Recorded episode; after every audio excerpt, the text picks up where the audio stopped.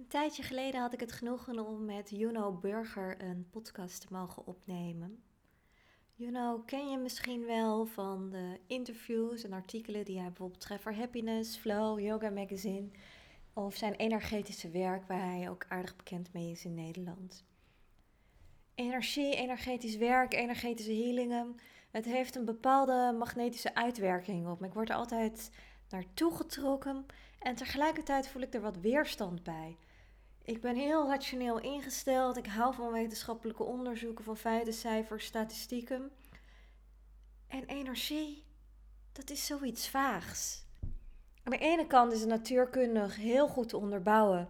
Maar van natuurkunde heb ik geen kaas gegeten. Dus als iemand het me dan uitlegt, dan ga ik op slot. En begrijp ik er eigenlijk nog helemaal niks van. En ja, het, hoe wetenschappelijk ook, ik blijf het iets vaags vinden. Iets ontastbaars. En ik was benieuwd of Juno daar verandering in kon brengen. Of hij misschien daar wat meer leven in kon brengen. En dat kon hij.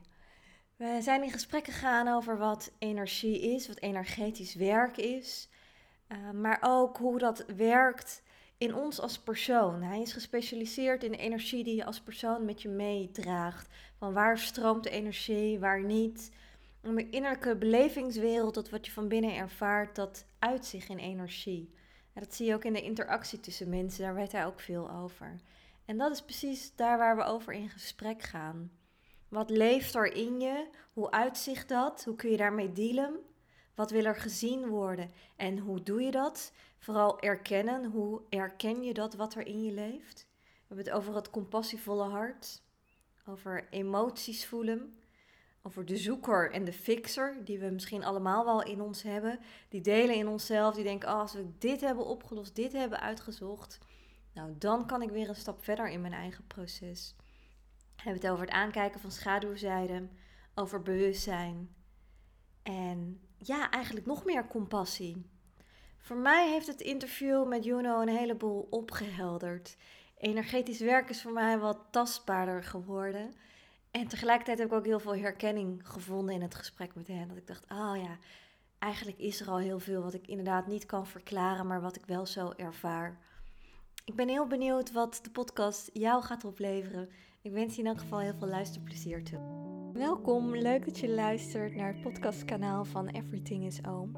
Mijn naam is Sabrina Souban en in deze podcast ga ik in gesprek met inspirerende Nederlanders. Mensen die iets doen of die iets hebben meegemaakt waar wij met z'n allen nog een heleboel van kunnen leren. Mensen die de wereld een beetje mooier maken door wie ze zijn of door wat ze doen. Wanneer je de podcast zo meteen beluisterd hebt en je hebt dat gedaan in iTunes, dan zou je me ontzettend helpen om 5 sterren te geven, zodat nog wat meer mensen deze podcast kunnen beluisteren. Elke twee weken komt er een nieuwe aflevering online. Dus wil je geen enkele aflevering missen, abonneer je dan vooral op dit kanaal Everything is Oom. Voor nu wens ik je heel veel luisterplezier toe. Juno, jij bent energiewerker. Wat is dat nou eigenlijk, energiewerker? Wat doe je dan? Ja, dat is, het is een heel breed uh, onderwerp. En het hangt er ook vanaf hoe je naar energie kijkt. Dus het heeft ook een beetje met definitie te maken, denk ik. Nou, zullen we die eerst even helder stellen? Wat is de definitie? Ja, dat is natuurlijk weer een andere levensvraag. Net als wat is de what's the meaning of life?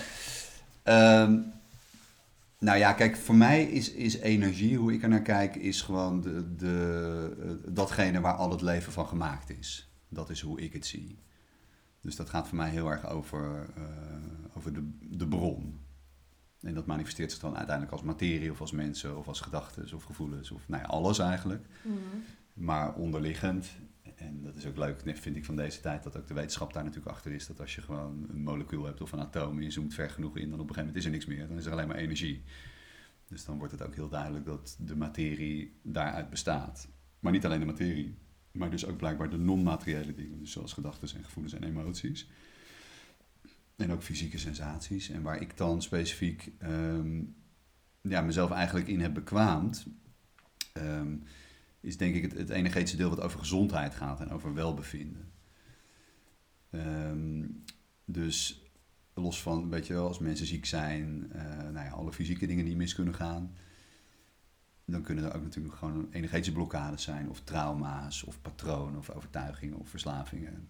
Eigenlijk allemaal hele ontastbare dingen, maar die je wel kan, ehm, nou ja, kan plaatsen als je het hebt over energie. Want weet je, ik, ik leg energie vaak uit net als water. Hè? Dus energie kan stromen, energie kan vastzitten, energie kan polijsten, energie kan eroderen, kan dingen kapot maken, weet je, kan dingen in beweging zetten.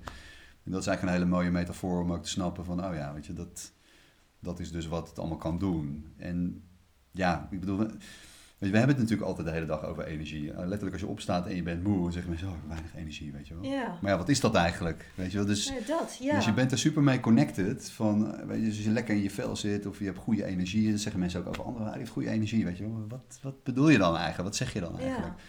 Ja, dus er is een, denk ik, meer allesomvattend principe wat nou ja, in heel veel oude culturen, bijvoorbeeld in China, chi of life force of nou ja, misschien zelfs wel God of wat dan ook wordt genoemd. Hè. Een soort, soort universeel principe wat ons in beweging zet. En ehm, nou ja, dat, dat is ook wel hoe ik naar energie kijk. Dus het, het heeft iets heel mystieks en metafysisch en heel groots en breeds. En soms is het ook gewoon letterlijk dat je gewoon energie, ja, je bent moe. Je hebt geen Ja. energie. Dus het uitzicht eigenlijk in alle vormen. En ik denk dat iedereen wel dat stuk kent van hey, je voelt je energiek of je hebt juist een gebrek aan energie of je bent bij iemand en je kunt er niet echt woorden aan geven, maar het voelt heel fijn of juist niet. Ja, dat. Ehm, ik denk dat dat een vorm van energie is die iedereen wel in meer of mindere mate kent. Ja. Is dat dan dezelfde energie waar jij dan mee bezig bent? Of is dat weer Ja. net een andere laag? Of hoe Nou, ik dat ja, zien? Het, het uitzicht dus in heel veel vormen. Dus waar ik dan specifiek in gespecialiseerd ben, is eigenlijk de, de energie in een persoon. Hè? Dus wat je als gewoon individu, even los van je andere mensen of omgevingen, gewoon eh, wat je allemaal in je lijf opslaat als energie. Mhm. Dus waar je bijvoorbeeld verkrampt bent, of waar bijvoorbeeld bepaalde dingen niet stromen. eh, of waar je bijvoorbeeld eh, gewond bent geraakt, dan wel, weet je wel, emotioneel of misschien wel fysiek. Dus dat is, dat is één ding eigenlijk. Hè? Dus je eigen innerlijke belevingswereld, die uit zich ook in energie. En dus sommige mensen zijn heel verkrampt, sommige mensen zijn heel outgoing of heel erg heftig of heel erg, nou ja, weet je, gewoon boos of destructief. Weet je, dat zijn allemaal kwaliteiten van energie ook, zou je kunnen zeggen. Eh, en een ander ding waar ik heel erg veel mee werk en naar kijk, dat is wat er gebeurt in de interactie tussen mensen. Dus wat wisselen mensen qua energie uit? En dat is natuurlijk wat iedereen nou ja, meemaakt op een dag als je kinderen hebt, als je een partner hebt, als je familie hebt, als je ergens werkt of je gaat winkelen en je staat naast iemand bij de kassa Mhm. dan is er een energetische uitwisseling. Alleen voor de meeste mensen is die totaal onbewust. Dus heel veel mensen hebben niet eens door dat die er is. Ehm, laat staan hoe ze daar zelf mee omgaan. En dat is eigenlijk waar ik mensen mee help. Dus door die hele interactie bewust te maken, eigenlijk uit te tekenen van joh, wat, wat kan je nou eigenlijk allemaal oppieken van een andere persoon als die naast je staat. Of die nou iets zegt of niet, maakt eigenlijk niet uit, maar gewoon de, de energie die iemand communiceert. Maar met name van hoe kan je je systeem ehm, bewust gebruiken om te ontdekken hoe jij daarmee omgaat. En dat laatste, dat is eigenlijk een beetje de, de kern van mijn werk. Hoe maak je die onbewuste reacties? En dus hoe is je systeem eh, bewust en onbewust geconditioneerd om met dingen om te gaan? En dan met name dat onbewuste stuk wat zo ontzettend groot is. Er wordt wel gezegd dat dat 95% van je scheppingskracht is onbewust. Dat is best veel. Ja. Dus 5% daarvan weet je van, oh, zo reageer ik of zo doe ik dat. En dan neem je credits voor, of daar ben je trots op of niet trots op, whatever. Maar het grootste deel is dus onbewust. Dus je reageert op het leven.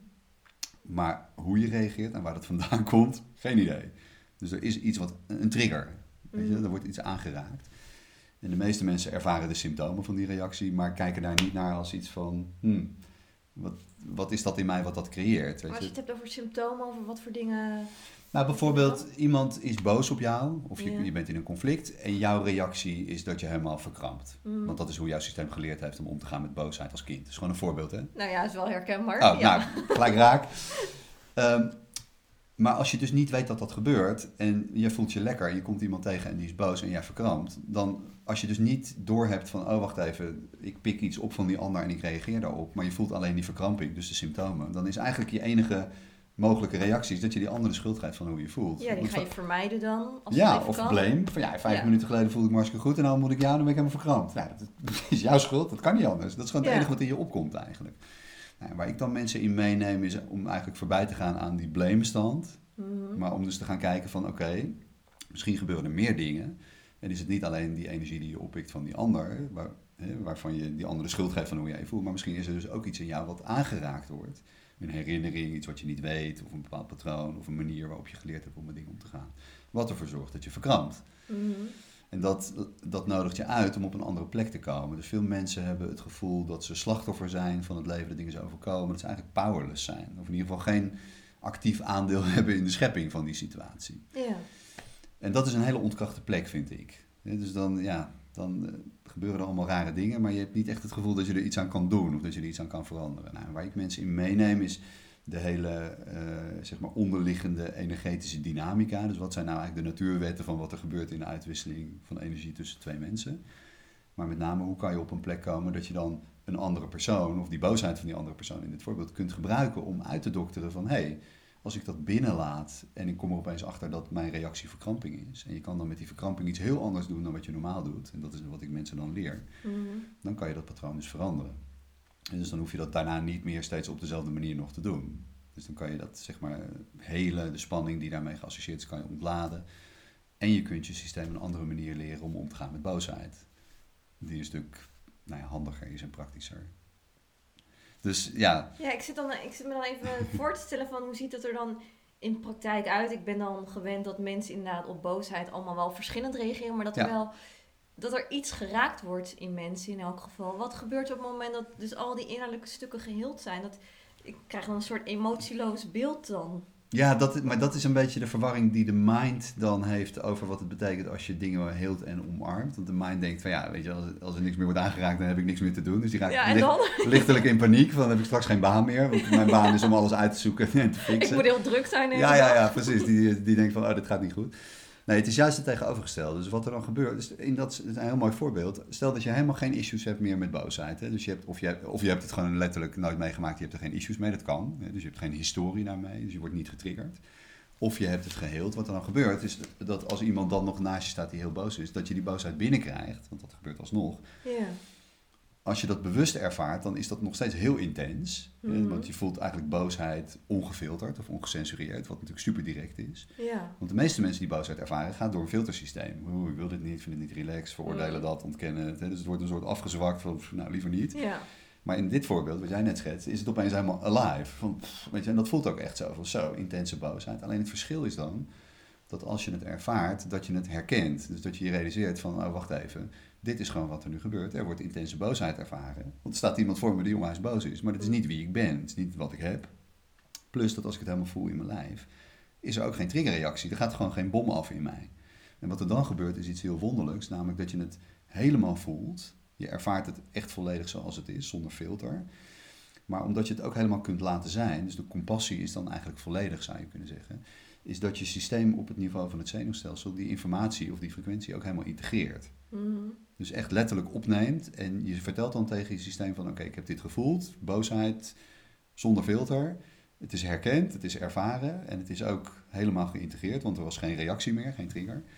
En dan is het klaar.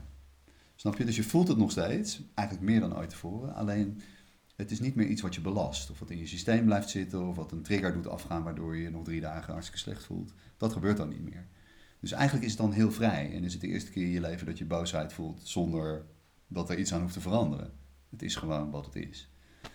Dus het is zeker niet zo dat je eh, dan een soort pink marshmallow wordt die, die alles maar oké vindt en de hele dag iedereen aan het knuffelen is omdat je geen voorkeuren meer hebt. Ja. Nee, juist het tegenovergestelde.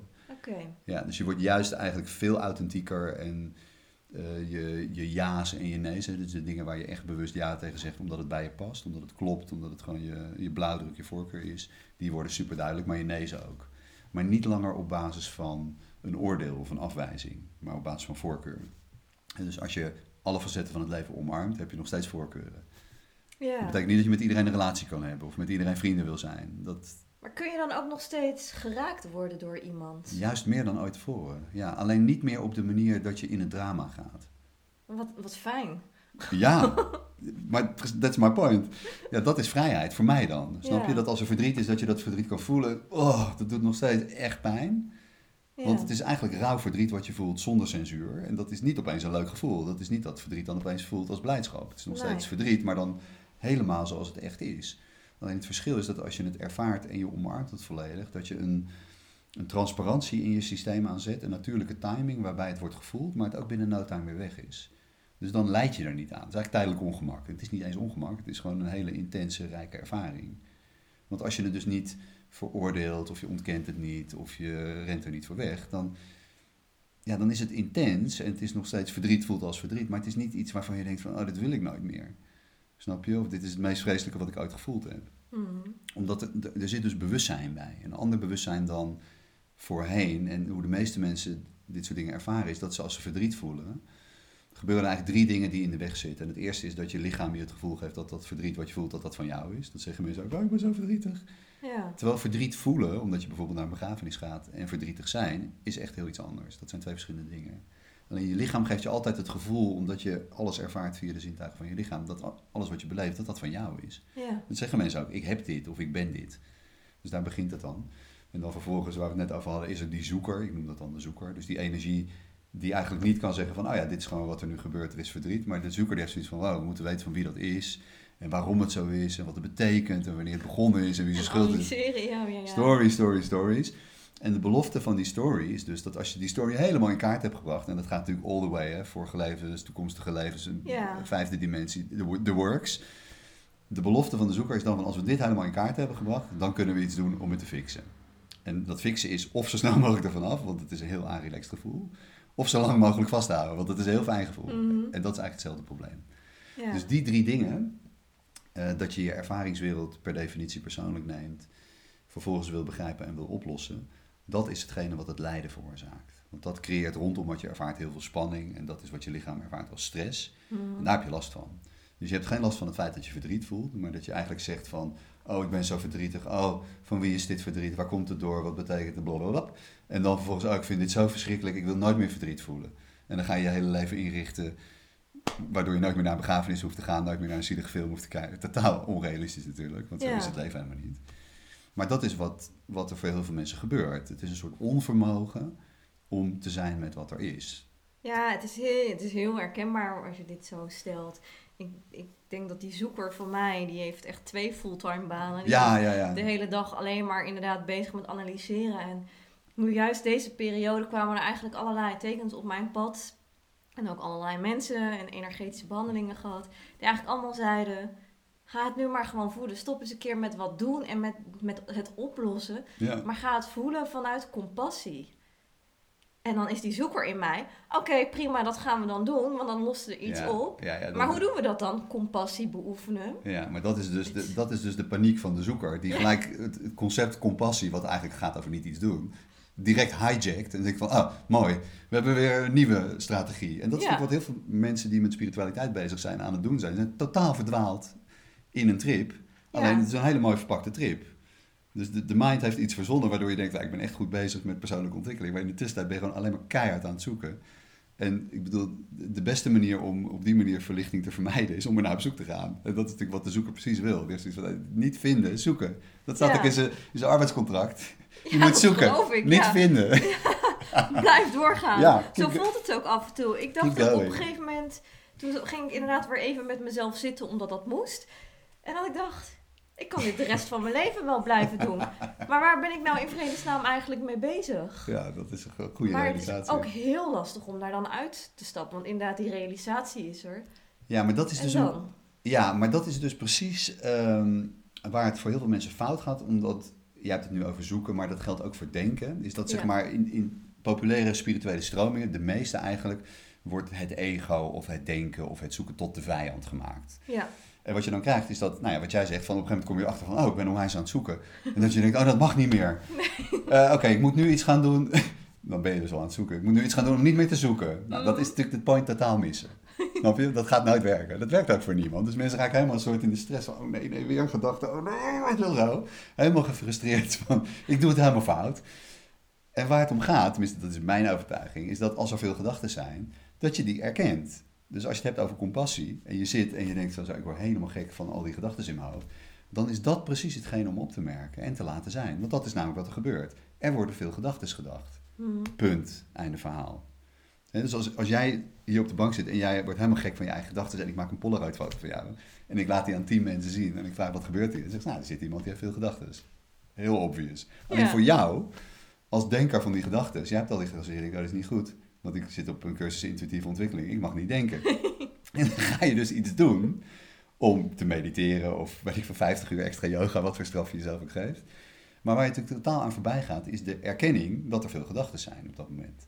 Dus als je daar overheen stapt en je gaat daaraan voorbij en je gaat iets doen om dat te fixen, die gedachten die hebben zoiets van, ja, wacht even, wij willen gewoon erkend worden, want wij zijn er. Wij zijn ook Ja. een onderdeel van het leven, een facet van de schepping. Waarom mogen wij er niet zijn? Dus als je op die snoesknop drukt en je zegt, ga weg gedachten, want ik wil jullie niet. Dan denken ze, nou oké, dan komen we gewoon terug met een team. Ja, Zo gaat dat. Ja. En als je dan nog niet luistert of ze erkennen, dan komen ze terug met een leger. precies. Ja. Nou, dat is wat iedereen meemaakt. En het interessante is dus dat de realisatie die daarin zit, is dat alle facetten van het leven, bottom line, maar één ding willen. En dat is erkenning. En dat is wat, wat, je, wat ik in ieder geval in mijn leven aan het doen ben. En wat ik andere mensen ook leer. Dat is ook de basis van dit hele onderliggende idee van eh, clearing. Is dat het dus gaat over de erkenning van alle facetten van het leven. Maar dat is niet alleen de erkenning van, oh ja, het is er. Maar dat is dus de erkenning die zit in het ervaren als Mhm. mens. Hè. Dus je, hebt, je moet ook echt de bewuste connectie ermee maken en het ervaren. En dat zijn niet alleen emoties, maar dat zijn ook gevoelens en dat zijn ook gedachten en dat zijn ook fysieke sensaties en ook herinneringen. Gewoon alles wat je kan waarnemen. ja. Dus dat is één element. Hè? Dus het, het bewust waarnemen van je ervaringswereld. En vervolgens die dan helemaal laten zijn zoals die is, zonder het te willen veranderen. Want dat is erkenning. Je bent er.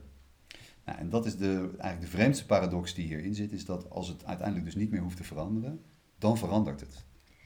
ja, dat is me vaak verteld en ik zie dat ook bij anderen. Het, het is gewoon een natuurwet. Maar dan ga je zelfs dat nog een soort van proberen te forceren. Ja, maar dat, maar dat zijn dus dat zijn tijdelijke stadia. En zolang dat gebeurt, is wat ik daar altijd over zeg, dan is dat wat er gebeurt. Dus ook al ben je bewust van dit concept en denk je van, nou, dit klinkt goed, dit ga ik doen. En intussen ben je eigenlijk gewoon aan het fixen. ja, precies. Ja. Dat is heel logisch en heel veel mensen hebben daarmee te maken. Maar dat is ook logisch, want je komt vanaf een hele andere plek. Je hele systeem is totaal geconditioneerd om te fixen. Dus als je zoiets als dit hoort, dan ben je niet gelijk aan de andere kant. Denk je, oh nee, fixen doe ik niet meer. Ik, ben, ik ga alleen maar alles laten zijn. Nee, terwijl je mind daar wel allerlei mooie excuses voor kan bedenken. Oh nee, je doet nu echt niks. Je bent nu geen Ja, boeken er meer over. Maar Ja. ondertussen... Maar dat, maar dat is dus, de, vind ik zelf. Kijk, als je kijkt naar het design van de mind, ja, ik hou ervan. Ik, ik, ik kijk naar het leven als design. Als je gewoon even kijkt vanuit de schepping, van hoe dit allemaal gemaakt is, is het echt een miracle, toch? Ja. Dus zo kijk ik daarnaar. Dus ik kan enorm genieten van de mind en van denken en alle strategieën die, nou, ja, die je dan heeft verzonnen om te overleven. En dat is, ook, dat is ook onderdeel, dat helpt bij het erkennen. Dat je het gewoon ziet voor wat het is. Beetje als een kind, weet je wel, die opgroeit en allerlei stomme dingen doet. En te- als ouder zie je gewoon van ja, dit moet je gewoon doen, want dit moet je gewoon leren. Ja. Dit is gewoon hoe het leven werkt. Ja. Nou, dat is met de mind ook. Dus de, de kunst en de uitnodiging voor mij is om alle aspecten, ook van de mind, te ervaren als ze er zijn. Dus juist als er veel gedachten zijn of je merkt dat die mind een soort helemaal wanhopig, zo'n concept als compassie hijjackt om daar weer een soort overlevingstechniek van te maken. Mhm. Honor that. Zie dat gewoon voor wat het is, erken het. En het aparte is dan dus, dan komt het tot rust. Dus dan hoeft die mind niet meer zo hard, want die denkt van, ah, dit is eigenlijk veel relaxter. Er is iemand die mij ziet, ik word erkend. Pff, Het is ook vermoeiend, omdat, want dat is wat die mind doet. Dus zolang die niet erkend wordt, gaat hij steeds extremere dingen doen om, Om gezien te worden. om gezien te worden. Ja. Dus op het moment dat iemand het echt ziet, maar echt ziet, en uiteindelijk kan je het alleen maar echt zien vanuit de plek van source. Dus als mens ben je als het ware, als je in de mind leeft, dan ben je begrensd door dualiteit en eh, polarisatie. Want dat is Mm. gewoon hoe de mind werkt. Dus dat ene ding wat daarvoor nodig is om dat te stoppen, dat kan de mind, dat kan niet in de mind. Want dan moet je dus eigenlijk verschuiven van het perspectief van de mens naar de schepper. Mhm. En wij hebben als mens het unieke voorrecht, maar ook het unieke vermogen om alle twee die plekken in te nemen. Dus wij kunnen helemaal in de menselijke ervaring gaan. Maar wij hebben ook het vermogen door ons menselijke bewustzijn om ons te herinneren dat wij onderdeel zijn van een groter geheel. Dat we verbonden zijn met het goddelijke. Nou, het maakt niet uit welke woorden je gebruikt. Maar je dus in letterlijke zin ook een schepper bent van je eigen werkelijkheid. Dus je bent ook, ik zeg dat ook heel vaak tegen mensen, echt een god of een godin. Niet per se in religieuze zin, maar in scheppende zin. En vanuit dat perspectief is het opeens heel makkelijk als je jezelf ziet als een schepper van de werkelijkheid. Om alle dingen die je dan ook creëert, vanuit die schepper gewoon te zien en te verwelkomen. Want als je het zelf hebt gecreëerd, ja, dan ga je het niet veroordelen. En dan ga je het niet proberen buiten de deur te houden of af te wijzen. Want Je hebt het zelf gemaakt. Ja.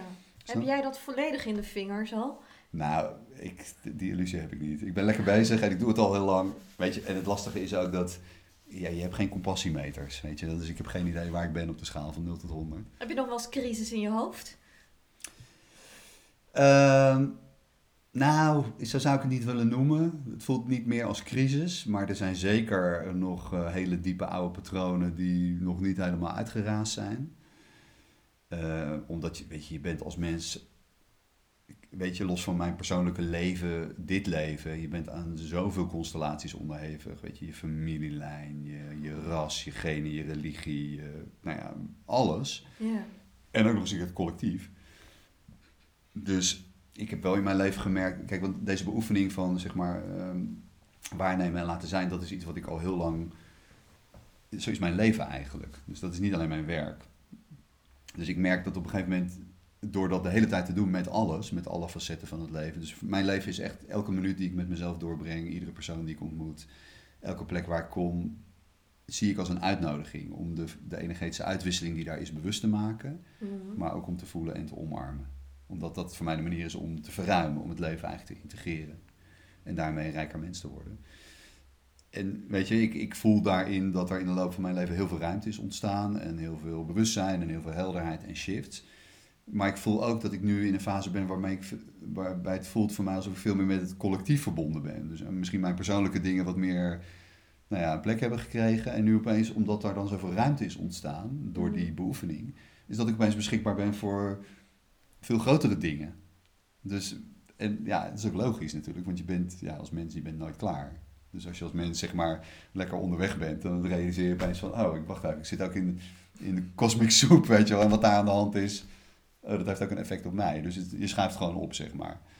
Dat is het meer een beetje. Maar joh, weet je, eh, ik- mensen vragen mij wel eens van, heb je nooit meer ruzie met je vriendin dan?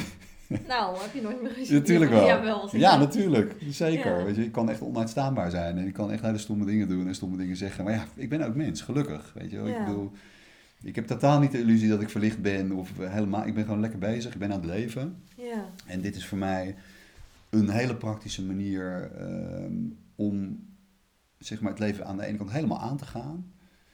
Dus echt, wat, dat is echt mijn, mijn, ehm, ja, mijn trip zou je kunnen zeggen, om alle facetten van het leven te ervaren als mens. Dus een heel groot deel van mijn werk en ook van mijn leven is, heeft juist gedraaid om het aangaan van de schaduwkanten. Dus juist dat stuk wat iedereen altijd vermijdt, waar je niet naartoe wil gaan. Mhm. Om een goede reden, want zo leuk is het niet. Maar om juist daarin te gaan en dat helemaal op te zoeken en dat dus te omarmen en te erkennen en een plek te geven. En dus juist uit die polariteit te halen en thuis te brengen, zo noem ik dat dan. Weet je, Mhm. dus vanaf die plek van het scheppende. En ja, weet je, dat, dat heeft mij echt een rijker mens gemaakt, zeker. Dat voelt echt zo. Dat, dat je leven daar enorm door verrijkt wordt. En dat is ook wat ik mensen, ja, ook weet je, wel wil leren. Maar ja, daar kom je van alles in tegen. Weet je? En het is voor mij veel meer een, een, een manier geworden om niet om bepaalde dingen niet meer te voelen of bepaalde dingen alleen maar te voelen. Weet je? Want dan denk je, nou, ik wil nooit meer boosheid voelen, ik wil alleen maar de hele dag knettergelukkig zijn. dat is totaal onrealistisch, weet je? Want zo is het leven gewoon helemaal niet. Heb je dat wel ooit geprobeerd? Eh, nou, nee dat, nee, dat is nooit echt mijn agenda geweest. Nee.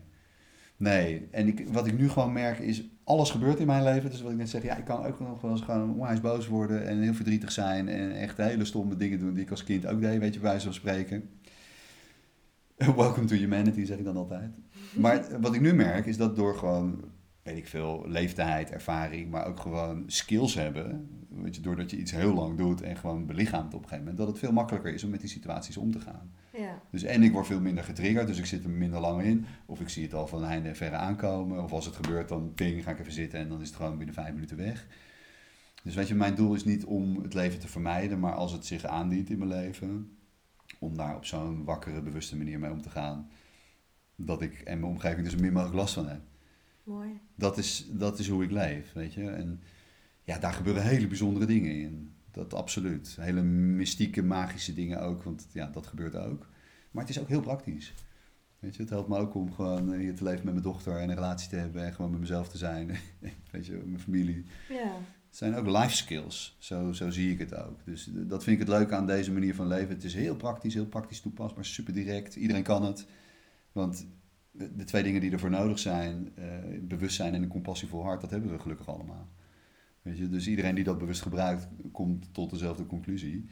Maar omdat je natuurlijk, ehm, als je op zo'n manier leeft, heel bewust, althans dat doe ik, eigenlijk alle valse delen van jezelf aan het deconstrueren bent. Dus alles wat je geleerd hebt, of dingen die bij je zitten, waar die, nou ja, weet je, oude patroon of het doorgegeven is, of in je genen zit, maakt niet uit wat. Dat is eigenlijk wat je hier steeds mee afbouwt of afpelt. En wat er dan overblijft, is je unieke zelf, je mhm. ziel, je blauwdruk, hoe je het ook noemt. Ja. En dan wordt het leven natuurlijk echt leuk. Want dan ben je echt jezelf, dan voel je ook jezelf. Maar als je vanuit die plek dan kijkt naar creatie, dus als je opeens jezelf bent en je ziet jezelf op een schepper, dan, als een schepper, dan is het opeens ook zo dat natuurlijk je buitenwereld dat gaat weerspiegelen. Mm Dus dan is opeens alles om je heen ook uitgelijnd met wat voor jou klopt. En dan is het leven natuurlijk vet interessant. Ja, ik hoorde jou net ook wel op een gegeven moment een paar keer het woord voelen noemen. Je voelt dan heel veel. Ja. Word je, is, word je daar nooit moe van om zoveel dingen ook bij anderen te voelen? Of hoe is dat dan eigenlijk voor jou? Ik bedoel, ik kom hier net dan bij jou binnenlopen. Voel je dan ook meteen iets in de energetische uitwerking? Ja, ja. Ja dat, dat gaat ook van, helemaal vanzelf bij mij. Hè. Dat is natuurlijk ook een beetje beroepsdeformatie. Dat ik natuurlijk met je kan praten, maar in de tussentijd gebeurt er ook van alles. Ehm, ja, maar die uitwisseling is er natuurlijk. En kijk, ik, ik doe niet echt iets om dat te stoppen. Niet vanuit een plek van oh, ik ga niet uh, nu de winkelstraat in, want dan kom ik al die mensen tegen en uh, oh, daar heb ik geen zin in hoor, weet je wel. Verzet eigenlijk, want dat is gewoon voor mij ontkenning. Ja. Maar, kijk, dit is ook mijn werk. Dus als je, als je zoiets als dit de hele dag doet, dus weet je, ik behandel natuurlijk heel veel mensen, ik kom in heel veel ruimtes in bedrijfspand, ik ben de hele dag met energie aan het werken.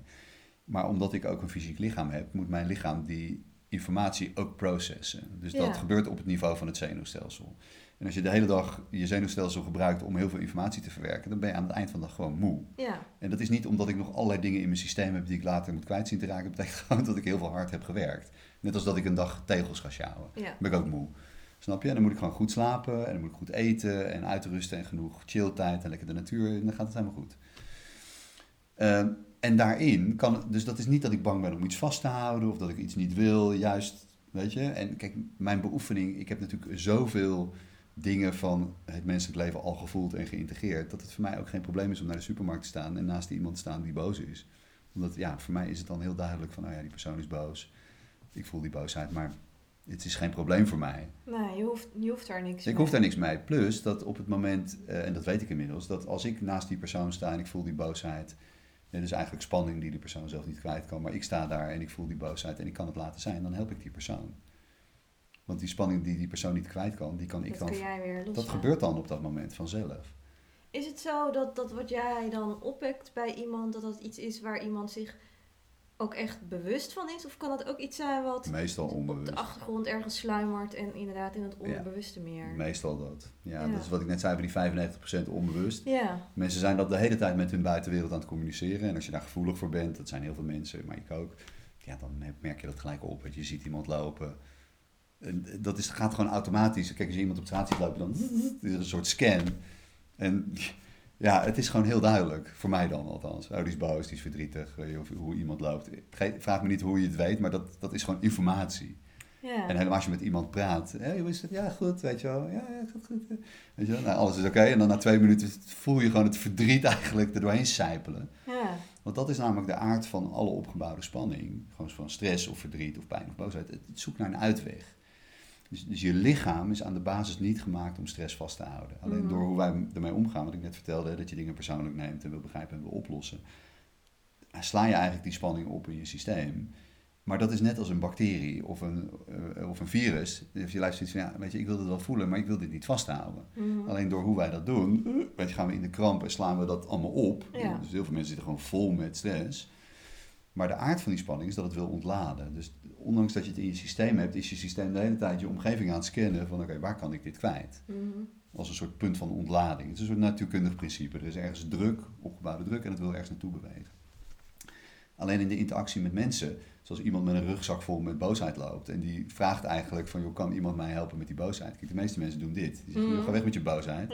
Ik wil het niet, Plus mijn eigen rugzak zit vol. Dus go away.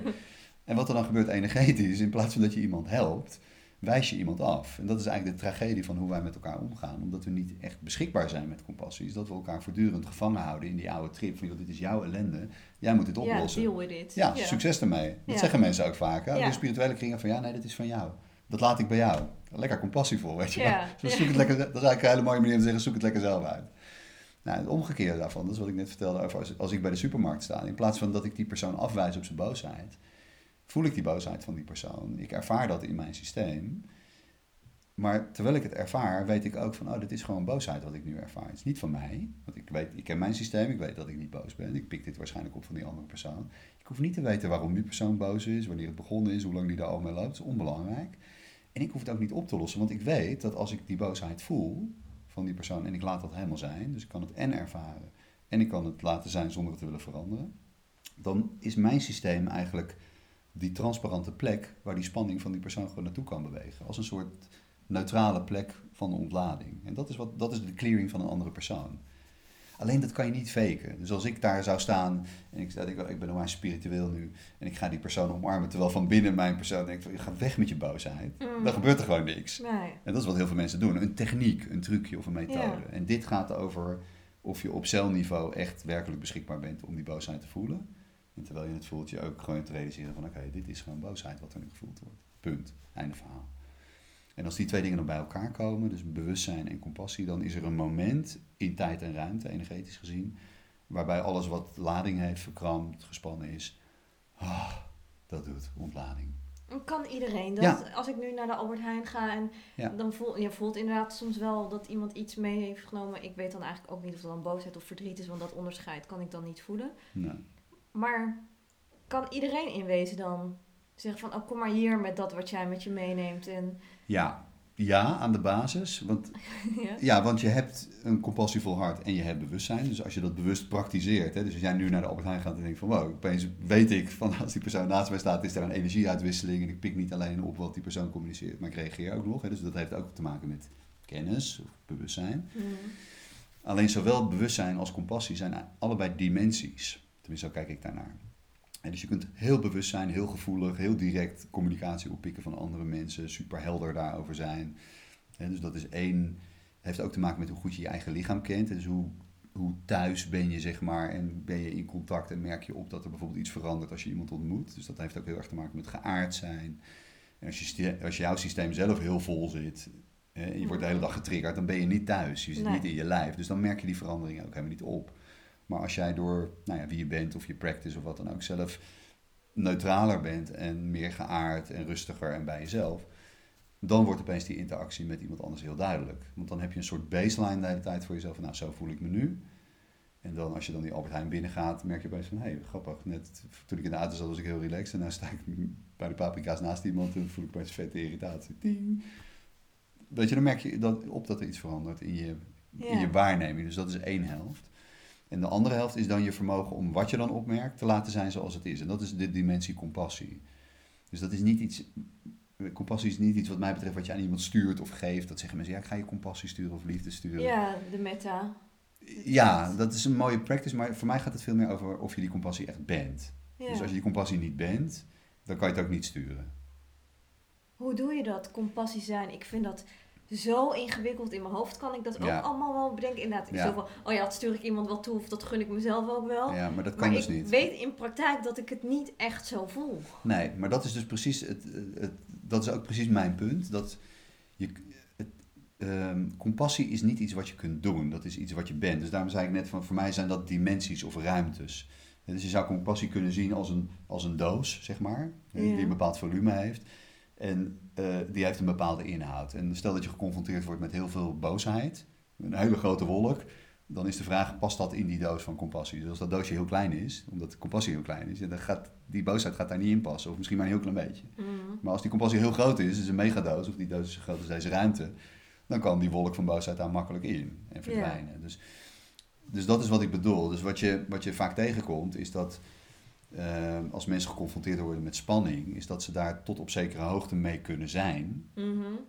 Of omdat dat een training is, of mensen denken, oh ja, kan hiermee zijn. Maar dan, hoe lang of hoe ver of hoe intens je ermee kunt zijn, dat wordt bepaald door het punt waar je getriggerd wordt. Dus als er ergens in jouw systeem nog een onbewuste reactie zit, of een trigger of een pijn of een trauma wat aangeraakt wordt, dan zijn dat de grenzen van je comfortzone.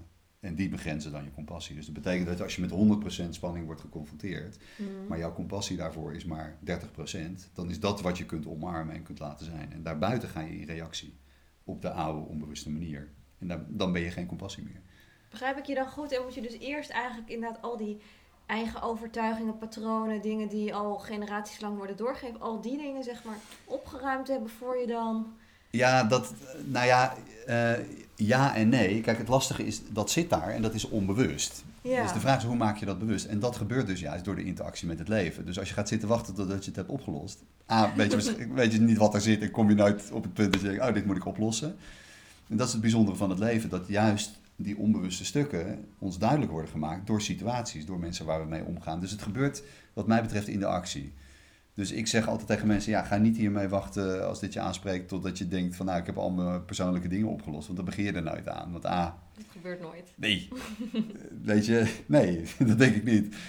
Misschien stukjes, maar who knows wat daar allemaal nog zit van 15 generaties geleden. Ja. Dus je kan veel beter het leven gewoon aangaan. Er is ook eens een beetje moed voor nodig natuurlijk. Het is ook een beetje spannend en anders dan mensen leren. Ehm, maar wel met een uitgeruste toolbox. Dat je denkt, nou oké, ik kan dus blijkbaar als ik iemand ontmoet, kan ik dus iets waarnemen. En als ik mezelf train om elke keer datgene wat ik waarneem gewoon te voelen en te laten zijn, dan wordt die compassie wordt groter. En mijn bewustzijn wordt ook ruimer en scherper en genuanceerder. Snap je? Dus dat, dat is ook mijn persoonlijke ervaring door dit al heel lang te doen. Is dat je dus in die dimensies van bewustzijn en compassie gewoon enorm opschuift. Dus ik ben steeds compassievoller geworden. Ik kan steeds meer laten zijn zoals het is zonder het te willen veranderen. Maar joh, toen ik 25 jaar geleden begon en ik liep een ruimte in, dacht ik, nou, voelt niet zo lekker, maar geen idee wat het is. Mhm. Maar nu loop ik een ruimte in en denk ik, oh, hier is iemand overleden, is dit gebeurd, is dat gebeurd. En dat is gewoon omdat ik duizenden huizen heb gecleared en gewoon al die informatie zo vaak heb gevoeld, dat ik gewoon een, een database in mijn systeem heb opgebouwd. Van, oh, dat gevoel hoort daarbij, dat gevoel hoort daarbij, dat gevoel hoort daarbij. Dus op een gegeven moment... Lijkt me wel makkelijk. Het is super praktisch. Zeker, het is natuurlijk ook mijn werk. Eh, Maar het is ook handig, omdat je gewoon... Ja, het is gewoon een soort... Ding, oh dat, oh dat, oh dat, weet je wel. Dat is gewoon Ja. training eigenlijk. Ja, is dat zo? Ja. Want die zoeker in mij die zegt nu direct, zo, dat is super interessant. Dat zou een heleboel interessante dilemma's nu gaan oplossen. Je, Dat maar dat is ook zo. Dat is ook echt wat er gebeurt. Het creëert ook allerlei andere dilemma's natuurlijk. Maar Ja, ongetwijfeld. nou ja, en dat is een beetje wat, wat jij zegt van ja, ik bedoel, ik heb natuurlijk echt overal waar ik binnenkom dat ik gewoon. Er gebeurt altijd iets. Omdat ik gewoon, en dat is totaal, ik ga nooit ergens naar binnen en denk, nou, ik ga eens even voelen hoe het hier is. Ik sta gewoon ergens binnen en dan, wow, ik voel gewoon van alles. Maar dat komt dus omdat mijn systeem A, niks doet om dat te ontwijken, maar B, omdat het ook gewoon binnenkomt en allemaal herkend wordt. Weet je, een soort bibliothecaris die zegt, oh, dit is dit, dit is dit, dit is dit, weet je wel. Ergens vind ik dat ook iets spannends bij mensen die energetisch werk doen. Want als ik daar dan mee afspreek, Ja, ja, toen ik naar jou toe liep, dat ik dacht, oh dan weet jij precies wat er in me omgaat en wat ik voel. Misschien nog wel beter dan, dan Dat- wat ik zelf weet. Ja, dat vinden mensen altijd een beetje spannend. Dat ze denken ook altijd van, oh, dat vragen ze ook van, oh, weet je wat ik nu denk? Echt, Nou ja, is nou, dat niet. Dat vraag ik me dan inderdaad Nee. ook al. Weet je dan ook wat iemand denkt? Nee, nee, maar dat is ook totaal oninteressant, vind ik. Maar het is zeker zo dat als ik, weet je, als ik, kijk, zo zit, je hebt allerlei niveaus. Hè? Dus als ik gewoon met jou aan het praten ben, dan ergens op de achtergrond registreer ik van alles. Maar ik ben niet super op jou aan het focussen nu en jou helemaal aan het uitlezen. We zijn gewoon dit aan het doen. Maar als ik met jou hier een sessie zou doen, weet je, we zouden echt zitten in stilte en ik zou echt helemaal op jouw systeem intunen in stilte en dan echt door allerlei lagen heen gaan, dan, dan zie ik wel echt heel veel dingen. En dan, want het is allemaal informatie, snap je? Jouw Mm. systeem weet dat al, alleen het is dus grotendeels onbewust. Ja. En dat proces van eh, compassie, dat creëert een soort hele veilige zone waarin jouw systeem dus kan ontspannen en die informatie naar boven kan laten komen. Dus dan is het opeens heel erg zichtbaar. Of voelbaar voor mij dan. Of ik zie het in beelden, of ik weet het, of nou ja, whatever. Maakt niet uit wat het is. Dus ja, dat heeft ook een beetje me- dat heeft gewoon mee te maken met een soort volumeknop. Weet je wel? Zo een soort gashendel die je hebt van oké, nu even rustig aan. Hoeft allemaal niet zo heftig of direct. Ik bedoel, ik hoef jou niet te vertellen wat er met je aan de hand is nu. En als ik een sessie doe, dan is dat helemaal open, want dat is wat de setting dan vraagt, snap je? Ja. Maar het is zeker zo dat ik ben nergens bezig om mezelf energetisch te beschermen of om dingen te ontwijken of dat ik er bang voor ben. Dat heb ik allemaal niet. En hoe is dat dan in bijvoorbeeld een, een persoonlijke relatie? Of dat nou is met je dochter of met je vriendin of wie dan ook, goede vrienden. Uh, dan pik je ook een heleboel dingen Ja. op Ja. waar ze het misschien niet per se over willen hebben. Of wat dan ook. Hoe... Ja, dat is Is natuurlijk... dat? Ja, nou ja, kijk, mensen die heel close zijn bij mij, die weten natuurlijk dat ik zo ben. Ja, Eh, dat ze dus niks kunnen verbergen eigenlijk. Nou ja, god weet je. ehm, kijk, ik vind ook dat iedereen ruimte heeft op z'n- of een recht heeft op zijn eigen space. Ik, bedoel, Ja. ik, ben, ik ben niet degene die iemand de duimschroeven aandraait en zegt van ik weet het nu, je moet het nu vertellen. Weet je, kijk, mijn vriendin bijvoorbeeld, die is nog tien keer zo knetter helderziend als ik. Dus ja, wij hebben ook een relatie waarin we dat ook willen. Weet je, we willen juist niks op de achtergrond, we willen juist alles gewoon open. Dus dat, ja, daar is heel veel ruimte om gewoon, als je dingen ziet, om dat gewoon te benoemen. Maar dat is niet omdat je iemand wil dissen, weet je wel, of ergens terecht wil wijzen. Is gewoon, ik zie iets, weet je wel, om gewoon te checken van zie je dat ook? Ja. Wil je daar iets mee, weet je wel, dat. Bij mijn dochter is het natuurlijk een beetje anders, omdat die is natuurlijk, ja, dat heb je gewoon natuurlijk een andere rol als Mhm. vader, weet je. En ik zie natuurlijk heel veel dingen bij mijn dochter en daar is het veel meer de dynamiek van ik wil haar de ruimte geven om zichzelf te ontwikkelen, weet je, ik wil haar niet, eh, weet je begrenzen daarin. En tegelijkertijd is die informatie die ik dan zie of weet natuurlijk ook weer heel handig voor haar. Maar ja, soms is dat, loopt dat helemaal uit de pas. Dus, is een puber met hormonen, Mm. ja, die heeft echt geen zin om van mij te horen.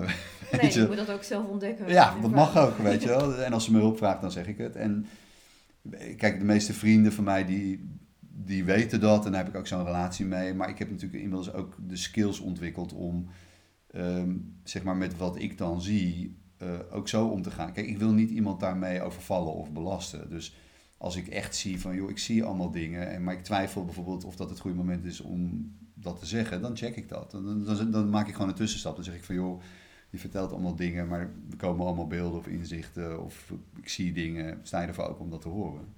Weet je wel? Dan kunnen mensen zeggen, nou nee, geen zin in. Nou, Mm. dan laat ik het natuurlijk. Ja, Of als mensen zeggen, ja, graag, vertel maar. Dan is er ook ruimte om dat te doen. ja.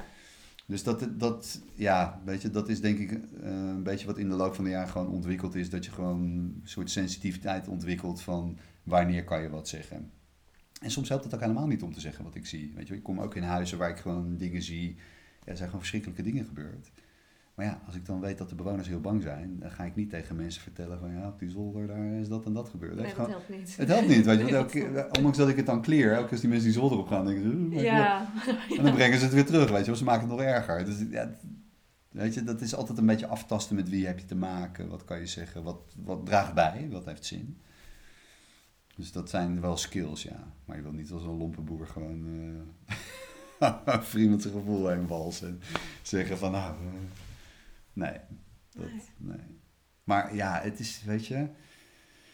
Het is aan de ene kant is het doodvermoeiend, omdat Ja. je natuurlijk de hele tijd aanstaat. En, ehm, maar dat heeft ook voor mij met balans te maken, weet je. Dus ik ben inmiddels daar gewoon super helder in en duidelijk van ja, weet je, als het weekend is, dan ga ik, ben ik gewoon niet meer ingetuned. Weet je, dan moet je me ook niet appen en mailen, dat, dan ben ik gewoon aan het rusten of andere Ja. dingen aan het doen. Want anders, je bent gewoon de hele dag door. Want kijk, er zijn ook mensen die gewoon op mij intunen. Weet je, die voelen zich niet lekker en die, die gaan dan in gedachten hulp roepen. Als, net als dat ze een engel aanroepen of Mhm. weet ik veel wat. Van, oh ja, even, oh, you know, moet me helpen. Maar energetisch, ik voel dat. Dus ik sta in de keuken paprika's te snijden en dan, ting, weet je, dan voel ik gewoon dat iemand connect met mij. Soms weet ik ook gewoon wie dat is. Echt joh? Ja, dat doen mensen de hele dag. Hè? Dus als jij aan, aan een vriend of een vriendin denkt of een ex of iemand waar je boos op bent, dan gebeurt dat ook. Maar dat is puur alleen al denken aan iemand. Ja? Echt? Gedachten zijn krachten. Oh, dan worden mensen echt gek van mij, want ik denk de hele dag door aan andere mensen. Ja, maar dat onderschatten mensen vaak. Hoe, gewoon, als jij echt negatief over iemand denkt, positief werkt natuurlijk ook. Hè? Ja. Bidden voor iemand is allemaal wetenschappelijk aangetoond. Het werkt gewoon als een speer. Maar heel veel mensen denken natuurlijk negatief over iemand. Dus of misgunnen iemand iets, of missen iemand, of zijn jaloers, of boos, of nou, wat dan ook. Ja. En dat is allemaal informatie die op je afgevuurd wordt. Dus als je, dat, als je daar sensitief voor bent, en je, dus je moet ook, tenminste voor mij is dat belangrijk, om gewoon heel duidelijk te zijn in mijn personal space. Weet je, het is net alsof je een winkel hebt en gewoon het bordje omdraait van nu ben ik gesloten. Dus, Hoe doe je dat? ja, dat Want ik denk dat iedereen die dit hoort nu denkt van... Nou, ik zit niet zo te wachten op al die negatieve prikkels van mensen die leuke Nee. dingen over mij Ja. om welke reden dan ook. Is daar Nee, een oefening voor? Nou, het is niet echt een truc. Het heeft heel erg te maken met eh, je eigen energiesysteem kennen. En gewoon een hele duidelijke eh, grens stellen in, in, in je vibe. Weet je wel? Dus ik stel even vrijdagavond, ik ben klaar. Mhm. Dan is mijn energie van, oké, ik ben nu niet beschikbaar voor mensen om op mij in te tunen en dit werk te doen. Dus eigenlijk zet ik dan gewoon een soort kamerscherm. Ik bedoel, dat is niet wat ik doe, maar gewoon even het effect Mhm. daarvan. Van, Weet je, als mensen mij proberen te bereiken energetisch, dan is er dus ergens een, een bordje van sorry, Ja, nu even niet. maandagochtend weer, weet je wel. en, dat, en dat voelen mensen ook van, oh, oké. Ja? En ja, dat is ook belangrijk om te doen. Want dat, anders, weet je wel, dendert iedereen je personal space binnen. En dat, natuurlijk hebben mensen hulp nodig en is het oprecht. En ik bedoel, het is niet dat ze op mij parasiteren of denken, nou, in plaats van dat ik een consult bij een boek ga ik gewoon aan het denken. Weet je wel, maar het, is- het is meer dat eh, mensen dat onbewust doen. Alleen als je daar dus niet zelf alert op bent, of gewoon daar duidelijk in bent, dan pff, is dat heel intens. En Ja. zeker als je wat langer bezig bent en mensen kennen je, of je hebt een groot bereik, of je bent een beetje zichtbaar, dan gebeurt dat heel erg veel. Mm. En dat geeft niet, dat hoort er ook een beetje bij, maar je moet, je moet het uitbalanceren. Snap je? Je moet dus ook gewoon heel duidelijk zijn en genoeg rust nemen en genoeg eh, ja, personal space hebben. Dat is gewoon super belangrijk. Tenminste, voor mij is dat heel belangrijk. Ja, ik denk voor iedereen. Ik denk het ook. Dat heeft gewoon met persoonlijke eh, hy- energetische hygiëne te maken. Alleen Ja. als je dus niet snapt hoe dat werkt energetisch. Hè, dus dat, nou ja, dat mensen aan je denken en dat dat bij je binnenkomt. En dat je daarop reageert. En dat er een interactie is. En dat je op die manier dingen in stand kunt houden of erger kunt maken. Allerlei dingen. Ja, dan gebeurt dat even goed. Alleen zonder bewustzijn. Dus dan denken mensen echt, "Fuck, ik ben al zo, ik ben al een paar dagen zo geïrriteerd, weet je wel. Maar wat dat dan is, of hoe dat komt, of welke afslag je gemist hebt, geen idee. Nee. Dus heel veel mensen zijn alleen maar in reactie. Doordat ze ergens komen, doordat ze iemand hebben gesproken, dat ze nog steeds boos zijn. Allemaal onbewust. Alleen Ja. dat is net zo sterk als bewust. Dus dat is wat, nou ja, wat ik in ieder geval in mijn eigen leven belangrijk vind, maar wat ik ook andere mensen leer. Van joh, weet je, hoe kan je daar anders mee omgaan, zodat je nou ja, daar geen energie aan verliest, dat je bij jezelf blijft, weet je wel, dat je gewoon gezond blijft ook, want je wil ook niet al die spanning in je systeem. Nee. Eh, en dat je gewoon, ja, weet je goed op je persoonlijke energetische hygiëne let. Wat gewoon heel erg belangrijk is. Want er is heel veel informatie. Mm. Echt heel veel, weet je wel. En in de laatste jaren nog tien keer zoveel als tien jaar geleden. Het is gewoon niet normaal. Je bent gewoon, s ochtends zet je je telefoon aan. En vanaf 7 uur s ochtends tot 11 uur je gaat slapen, ben je online. Word je overspoeld. Ja. Nou ja, je wordt overspoeld, maar je bent alleen maar in contact met mensen. Dus als jij een uurtje gaat Instagrammen en je kijkt naar 50 profielen, dan ben je in het leven van 50 mensen geweest. Ja. Alsof je in hun huis staat of dat ze hun verhaal aan je verteld hebben. Mensen denken, ik ben foto's aan het kijken, maar die, die foto is een ingang in de energie die daarachter ligt van een persoon. Als jij een nieuw huis gaat zoeken op Funda en je bekijkt 20 huizen, dan heb je 20 huisbezoeken gedaan energetisch.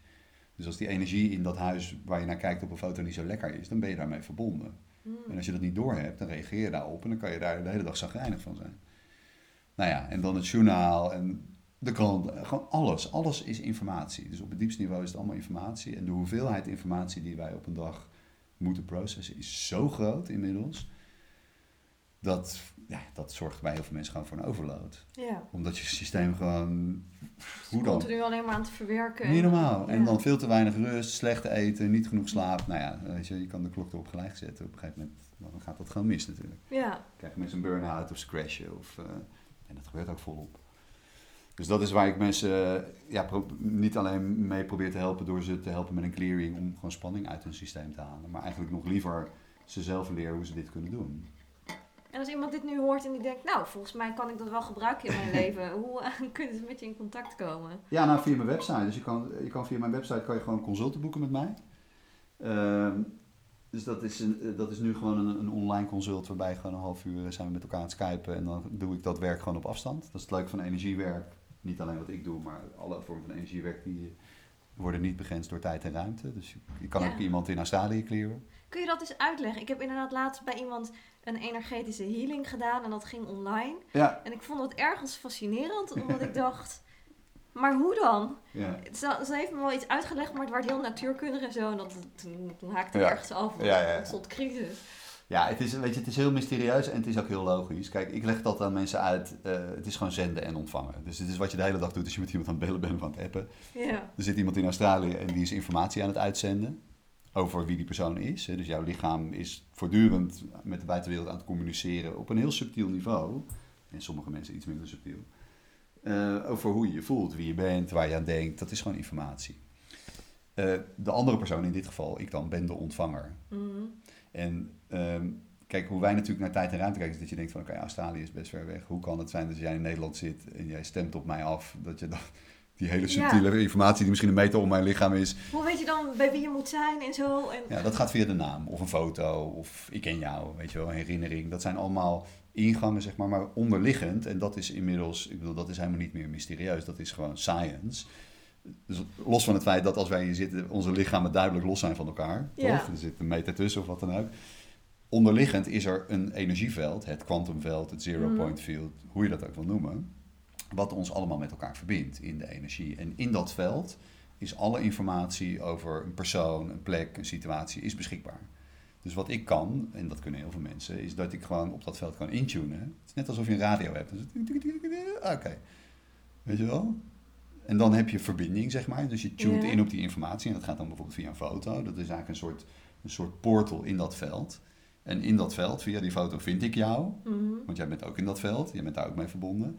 En als ik jou vind, dan is dus jouw informatie over wie jij bent, is voor mij beschikbaar. En omdat mijn systeem getraind is om dat te lezen en te duiden, kan ik dat dus voelen. Maar kan je ook iemand op afstand helpen om die spanning te ontladen. Want dat staat helemaal los van tijd en ruimte. Hmm. Dus dat is eigenlijk hoe het werkt. Dus je, je, je bent in die twee werelden alle tijd, of allebei tegelijk actief. Dus je bent en mens en los van elkaar. En als je straks weggaat, ben je niet meer hier, obvious. Mhm. Maar tegelijkertijd, als ik aan jou denk, of ik bel jou, of ik maak contact met jou, of ik zie een foto van jou en ik tune op jou in, dan is het voor mij hetzelfde als dat jij hier zit. Of dat ik hier jou een behandeling zou geven en mijn hand op je rug leg. Dat is allemaal hetzelfde. Snap je? Het is allemaal informatie over een persoon waar je mee kunt werken. Dus het is iets wat we de hele dag doen, zijn en ontvangen. We vinden het heel normaal dat als we Google intikken, dat we dan gewoon Ja, dat, al, dat Eh. alles beschikbaar is. nou ja, maar, maar dat, dat hele principe van het internet, dat any moment alle informatie beschikbaar is, dat is exact het principe van dat onderliggende veld. Alleen wij zien dat nu nog als computers die met touwtjes aan elkaar geknoopt zijn. Maar het is meer, veel meer een metafoor voor de intelligentie van het leven, waarin die informatie allemaal gewoon nee, niet alleen beschikbaar is als een soort bibliotheek, maar je kan daar ook iets mee. Je kan het beïnvloeden, je kan het ontladen, je kan het erger maken. Dus, en dat doen mensen ook de hele tijd, alleen met name onbewust. Ja. Dus dat is wat ik dan op een andere manier doe. Ja, dus dat maakt het werken heel praktisch. En dat was in coronatijd natuurlijk heel praktisch. Want ja, corona uitbrak. Moesten alle, eh, de praktijk moest gewoon dicht, simpel. Ja. Super fijn dat dat zo dan nog kan. Ja, nou, ik, had al, ik ben al heel lang bezig. Ik, ik leer over de hele wereld, zeg maar, mensen, bedrijven en huizen op afstand. Dus voor mij was dat niet een hele grote eh, overstap om opeens, wow, ik moet opeens iets online doen. Maar het was, op, het was wel heel praktisch. Ja, Want mensen konden gewoon thuis zitten en ik kon ze gewoon helpen. En nou ja, het kan doorgaan dan. dat gaat gewoon door. Ja. Dus dat is super fijn. En dan nog één keer je website? Of heb je die... Ik had nog niet gezegd, Nee. Ja, Ja, dan kunnen mensen een afspraak met je maken en zien eh, ja. wat En- je doet. ja. dus eh, ik geef consulten, ik, eh, ik organiseer dus workshops. Dus eh, een tweedaagse, of eigenlijk driedaagse workshop waarin mensen dit zelf kunnen leren. Dus de eerste dag gaat over persoonlijke clearing, dus hoe je jezelf kunt clearen. Of andere mensen daarmee kunt helpen, je partner, je kinderen, je collega, familie, whatever. En het tweede deel, dat gaat over het energetisch reinigen van ruimtes. Dus dat is een tweedaagse workshop. Dus dan kan je het zelf leren. En dat is eigenlijk het mooiste natuurlijk. Want ja, dat zijn gewoon extra tools voor jezelf om ervoor te zorgen dat je je energiesysteem schoon kunt houden. Dat je energie hoog blijft. Dat als je gewoon in uitdagende situaties zit, dat je iets kan doen om die energie uit je systeem te houden. Het is gewoon super praktisch allemaal. Ja, mega waardevol.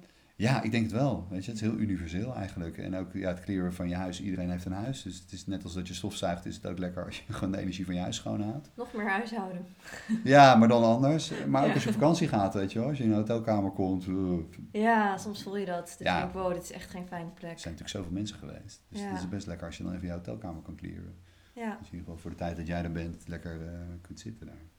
Ja, mooi. Dankjewel voor al je informatie, Ja, al je kennis. Wow. ja het is... eh, Hoe lang is dit dan? Oh joh, bijna een uurtje. Ja. Nou, het gaat te snel. Bedankt voor het luisteren naar het kanaal van Everything is Oom. Ik hoop dat je veel hebt opgestoken van deze podcast. Ik ben heel erg benieuwd naar je reactie hierop. Je kunt me altijd een mailtje sturen. info at everything-is-oom.nl Vond je de podcast van meerwaarde en kun je hem aan anderen aanraden? En heb je in iTunes geluisterd, dan zou je me ontzettend helpen wanneer je een beoordeling van 5 sterren achterlaat. Wil je geen enkele aflevering hoeven te missen, abonneer je dan vooral op dit kanaal. Voor nu wens ik je een heerlijke dag toe en graag weer tot de volgende keer.